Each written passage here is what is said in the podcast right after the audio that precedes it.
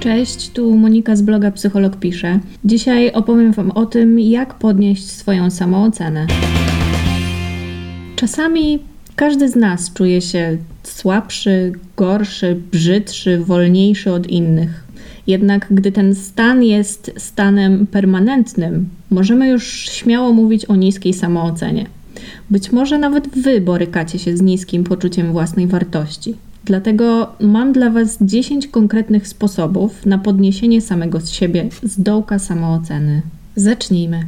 Nie porównujcie się do innych. Spójrzmy prawdzie w oczy. Zawsze będzie ktoś, kto ma lepiej, więcej, jest przystojniejszy, ale też zawsze będzie ktoś, kto ma nieco gorzej. Porównywanie się wciąż do innych ludzi skazuje Was na wieczny wyścig i ilość przeciwników, której nie jesteście w stanie pokonać. Odpuśćcie. Doceniajcie to, co macie. Bądźcie wdzięczni za co tylko możecie: za dom, zdrowie, sprawny wzrok, dach nad głową. Nie obwiniajcie i nie obrażajcie samych siebie.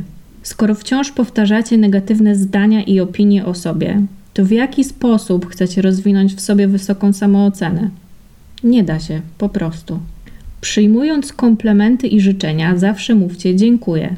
Ile razy zdarzyło się Wam, głównie Paniom, słysząc komplement dotyczący wyglądu, odpowiedzieć coś w stylu: E, ta bluzka jest stara, powyciągana, a w ogóle to przytyłam 20 kilo?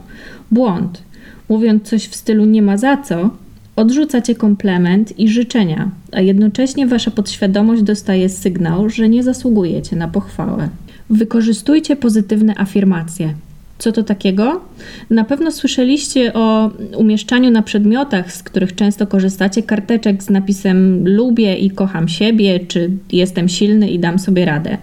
To są właśnie pozytywne afirmacje. Włóżcie taką karteczkę do kieszeni, przyklejcie na lustro i powtarzajcie je kilka razy dziennie. Wracajcie do nich, zapisujcie w telefonie, mówcie głośno. To działa. Korzystajcie z książek, filmików, szkoleń dotyczących podnoszenia samooceny. Poszukajcie w sieci informacji na temat warsztatów czy popularnych e-booków dotyczących samooceny i korzystajcie z informacji w nich zawartych. Otaczajcie się pozytywnymi ludźmi. Gdy macie wokół siebie ludzi, których negatywna energia ściąga was w dół, dusi w zarodku najlepsze idee, to jak macie czuć się sami ze sobą lepiej? Zróbcie listę swoich osiągnięć.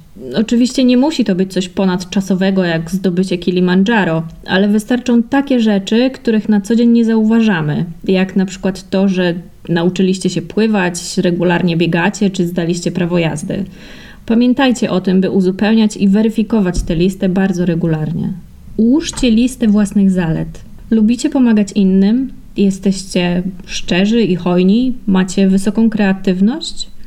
Bądźcie dzisiaj dla siebie dobrzy i ułóżcie spis przynajmniej 20 swoich zalet. Przeglądajcie ją tak samo często jak listę swoich osiągnięć i pozytywne afirmacje. Skupiajcie się na pozytywnych stronach samego siebie.